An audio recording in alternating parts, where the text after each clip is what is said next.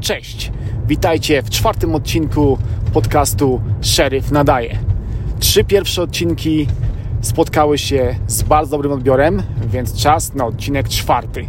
A w tym odcinku opowiem Wam o tym, jak to jest być gliniarzem na zadupiu, jak to jest być szeryfem w Ameryce zaściankowej. Oczywiście, jak zwykle, podcast nagrywany jest prosto ze służby, w środku nocy, z radiowozu, więc będzie w tle słychać różne dziwne dźwięki. E, zanim przejdę do, te, do tematu tego podcastu, to chcę Wam wyjaśnić, co mam na myśli, mówiąc, że noc jest w miarę spokojna i mamy chwilę, żeby nagrywać. W pracy jestem od 9 wieczorem, w tej chwili jest chwila po drugiej w nocy, więc minęło e, lekko ponad 5 godzin. W tym czasie miałem 6 wezwań. E, trzy zainicjowałem sam, były to zatrzymania pojazdów do kontroli, e, zatrzymania z powodu przekroczenia prędkości. Wszyscy trzej kierowcy dostali jedynie ostrzeżenia, mimo że dwóch z nich przekroczyło prędkość o ponad 25 mil na godzinę. Ale byli mili, e, byli uprzejmi, nie mieli nic na sumieniu poza prędkością, e, nie mieli żadnych e, nakazów aresztowań, ani żadnej przeszłości kryminalnej zbyt dużej, e, więc dostali tylko ostrzeżenia. Kolejnym wezwaniem było wezwanie do hotelu, w którym security, czyli ochrona nas wezwała, bo była jakaś tam sprzeczka, awantura domowa. Pojechaliśmy we dwóch, ponieważ zawsze do takich wezwań jeździ się we dwóch. Na miejscu spotkaliśmy kobietę, mocno pijaną, która powiedziała, że jej mąż zatrzasnął jej drzwi przed nosem, zamknął się w pokoju i jej nie wpuszcza. Kobieta była bardzo niemiła zarówno dla ochrony, jak i dla męża później, jak i dla nas. Mnie zwyzywała od parszywych Rusków. Oczywiście tego typu wezwania na mnie już, czy tam wyzwania na mnie już nic nie robią, e, bo, bo zdarzają się dość często w przypadku pijanych osób, e, bo, bo poznają mój akcent jako akcent rosyjski z jakiegoś powodu, więc kompletnie to olewam. No ale udało się e, w końcu pójść do tego pokoju, zapukaliśmy, mąż otworzył, zgodził się wpuścić żonę z potem do pokoju, pogodzili się i sprawa została zażegnana. Z tego został sporządzony krótki raport, nic nadzwyczajnego. Kolejne wezwanie to wezwanie do jakichś tam osób awanturujących się w nowo otwartej knajpie w naszym mieście. E, po przybyciu na miejscu okazało się, że tak naprawdę E, pan menedżer knajpy e, robi więcej zamieszania niż ci, którzy, którzy niby byli tymi prowoderami. To on wszystko prowokował, więc po prostu poprosiliśmy tych pijanych mężczyzn, e, którzy się dobrze bawili, żeby przenieśli swoją zabawę do domu. Mieli ze sobą trzeźwego kierowcę, więc wsiedli do auta i odjechali. Sprawa zażegnana, nie trzeba pisać raportu, wszyscy zadowoleni. Kolejne wezwanie to jakiś pijak łażący gdzieś tam po, po ulicy E, też pojechaliśmy we dwóch, bo nigdy nie wiadomo, co się to może zdarzyć w, e, w nocy. E, jeżeli są pijani, gdzieś tam ludzie zgłaszani. Więc pojechaliśmy we dwóch, gościa ogarnęliśmy, znaliśmy jego adres w naszej bazie danych lokalnej i go odwiedziliśmy do domu, gdzie czekała na niego jego trzeźwa żona. Także sześć dość prostych wezwań, które ogarnąłem w, swoim, w swojej strefie, a więc noc spokojna, taka na luzie, a teraz mam chwilę, żeby dla Was coś tam nagrać. E, więc przechodzę do tematu tego odcinka. Jak to jest być gliniarzem e, w małej miejscowości, w dziurze, gdzie wszyscy się znają? E, słyszałem głosy, że niedobrze jest pracować w miejscu, w którym się mieszka, bo taki policjant jest podatny na korupcję, na przymykanie oczu, bo zna ludzi, bo może załatwiać sprawy związane ze swoją rodziną w mundurze i tak dalej, i tak dalej. I powiem Wam, że ja się z tym nie zgadzam, jeżeli chodzi e, o te sprawy w moim biurze szeryfa. Ponieważ owszem, są sytuacje, gdzie powiedzmy zatrzymujemy gliniarza innego, jeśli tylko przekroczył prędkość i jest w porządku, to wiadomo, że nie, bawimy mandatu, bo jednak istnieje ta solidarność e, policyjna. Podobnie jest, jeżeli zatrzymamy powiedzmy za prędkość e, osobę, którą znamy, czy, czy osobę, która, która mówi, że powiedzmy jest synem czy córką jakiegoś innego gliniarza. E, to jest oczywiste, ale to nawet gdy nie mieszkał w moim hrabstwie, to robimy dokładnie to samo, więc to nie ma zupełnie znaczenia. Są przypadki, że zatrzymuje kogoś do kontroli, czy zatrzymuje jakiegoś pijanego kierowcę i on mówi, ej, słuchaj, znam e, tego i tego, weź to zadzwoń, on ci powie, żebyś mnie puścił. I jak byłem nowym gliniarzem i nie bardzo znałem zasady, to zdarzyło mi się dwa lub trzy razy zadzwonić do takiego gliniarza, o którym wspominała zatrzymana osoba i zawsze było tak, że no tak, znam gościa, ale jechał pijany, stary, nie ma przebacz. Zrobił kompletną głupotę, idzie do paki, niech za to zapłaci i się nauczy. E, więc po prostu po pewnym czasie przestałem dzwonić do kolegów, jeżeli ktoś wspominał ich imię, bo wiem, że, że ja bym zagrał tak samo. Zatrzymałeś mojego pijanego znajomego, no to jest jego problem, że go zatrzymałeś i jest jego wina, więc idzie do pierdla, koniec, kropka. E, czasami e, bywa tak, że zatrzymujemy za coś bardzo poważnego osoby, czy to znajome, czy osoby, które są w jakiś sposób związane z naszą pracą, czy z ludźmi, z którymi pracujemy. Ja miałem wezwanie jakiś czas temu do osoba zgłosiła, że na stacji benzynowej przy dystrybutorze stoi auto, w którym dwie osoby e, zażywają narkotyki.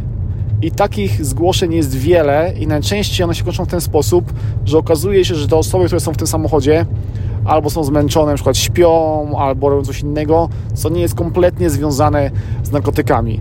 Więc ci zgłaszający po prostu mylą się, e, błędnie odczytują jakieś tam ruchy tych osób i sprawy są rozwiązywane na miejscu bez żadnego problemu. Tym razem pojechaliśmy na miejsce, na stację benzynową. Okazało się, że faktycznie w samochodzie siedzi, siedzą dwie osoby i faktycznie palą z, ze sreberek, z folii miniowej e, narkotyki. E, w tym przypadku był to fentanyl, więc dość poważny narkotyk. Także e, aresztowaliśmy te osoby na miejscu od razu. Ja wziąłem pasażera, chłopaka, mój partner wziął e, dziewczynę, która była za kierownicą samochodu. Go się razu przeszukałem, znalazłem jeszcze więcej przedmiotów służących do konsumpcji narkotyków, co samo w sobie jest przestępstwem.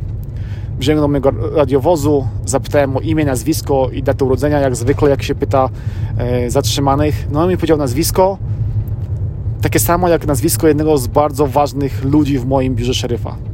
Bardzo wysoko postawionych ludzi w moim biurze szeryfa. Więc zapytałem tego gościa, słuchaj, znasz pana Ważniaka?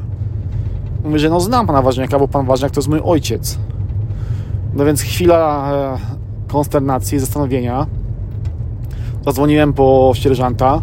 Przyjechał sierżant. Popatrzył na chłopaka. Znał go na stopie prywatnej. Powiedział, co żeś człowieku odwalił.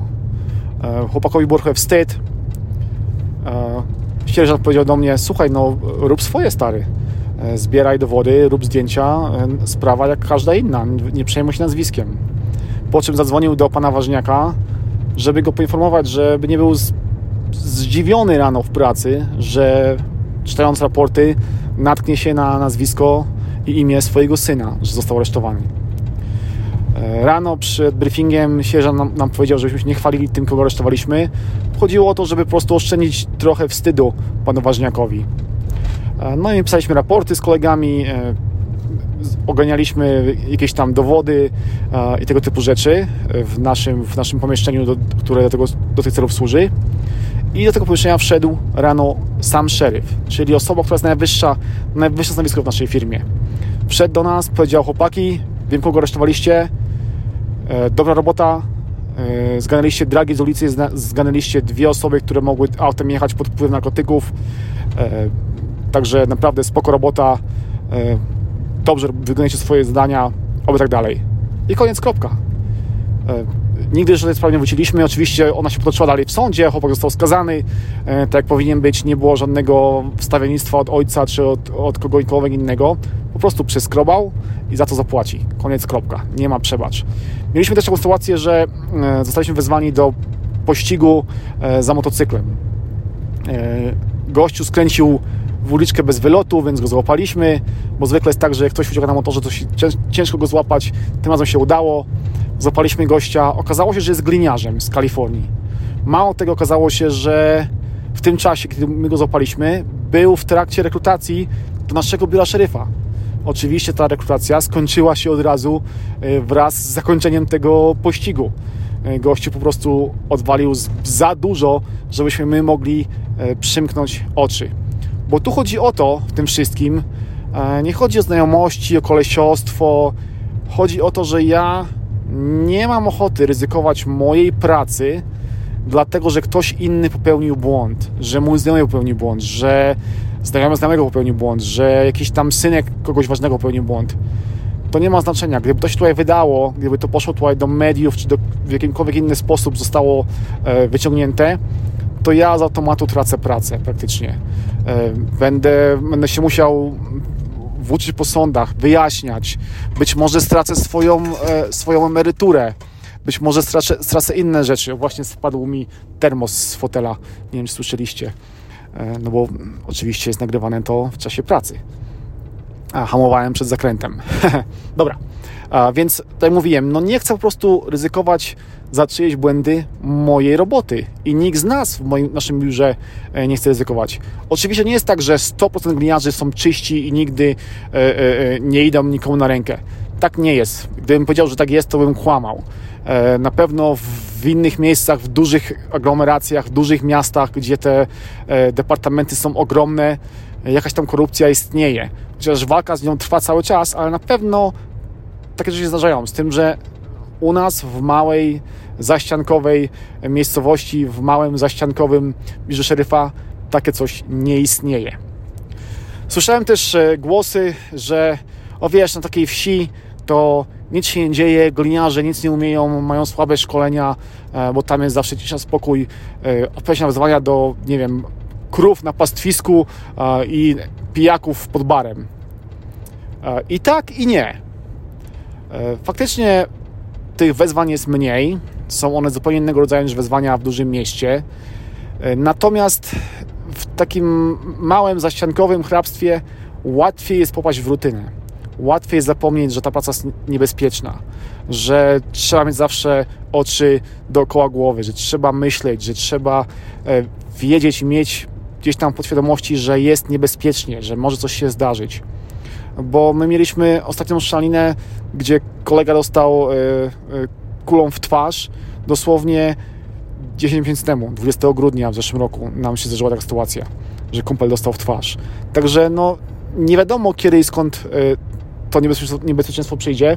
Natomiast, tak jak mówiłem, no, bywa tak, że, że ci ludzie, którzy tutaj pracują, część z nich zapomina o tym. Olewa treningi, olewa swoją sprawność fizyczną, bo przecież na zadupiu nie będziemy nikogo gonili, przez, nie będziemy składali przez płoty, e, nie będziemy się ścigali z jakimiś tam e, bandytami czy gangsterami, bo ich tutaj nie ma. Nie ma, a czasami się pojawiają na, na gościnnych występach i wtedy, gdy e, jest takie wezwanie, no to trzeba być w stanie to wezwanie ogarnąć, więc trzeba być na takim samym poziomie wyszkolenia jak liniarze w dużych miastach.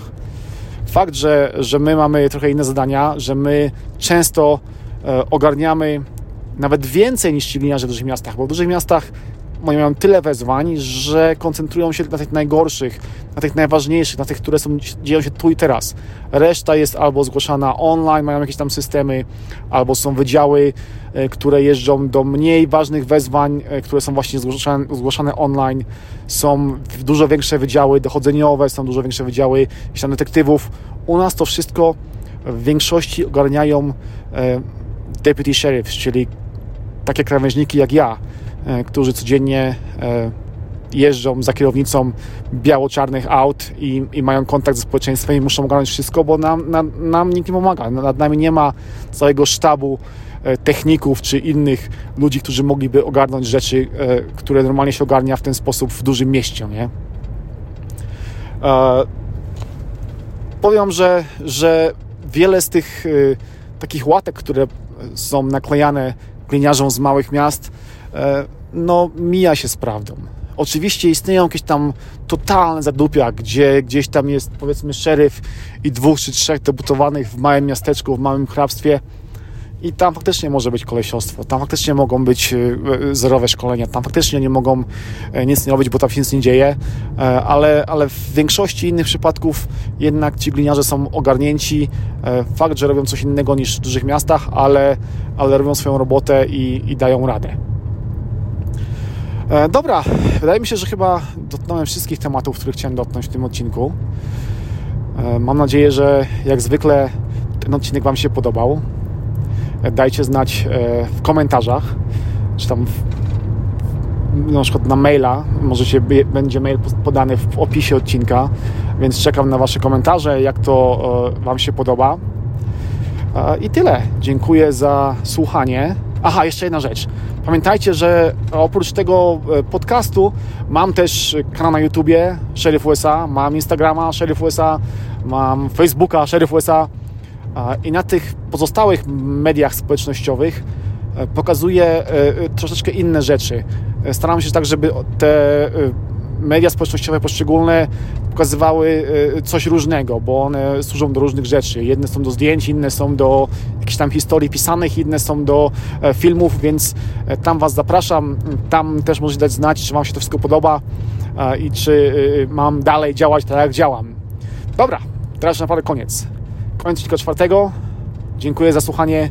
Trzymajcie się. Pozdrawiam. Cześć.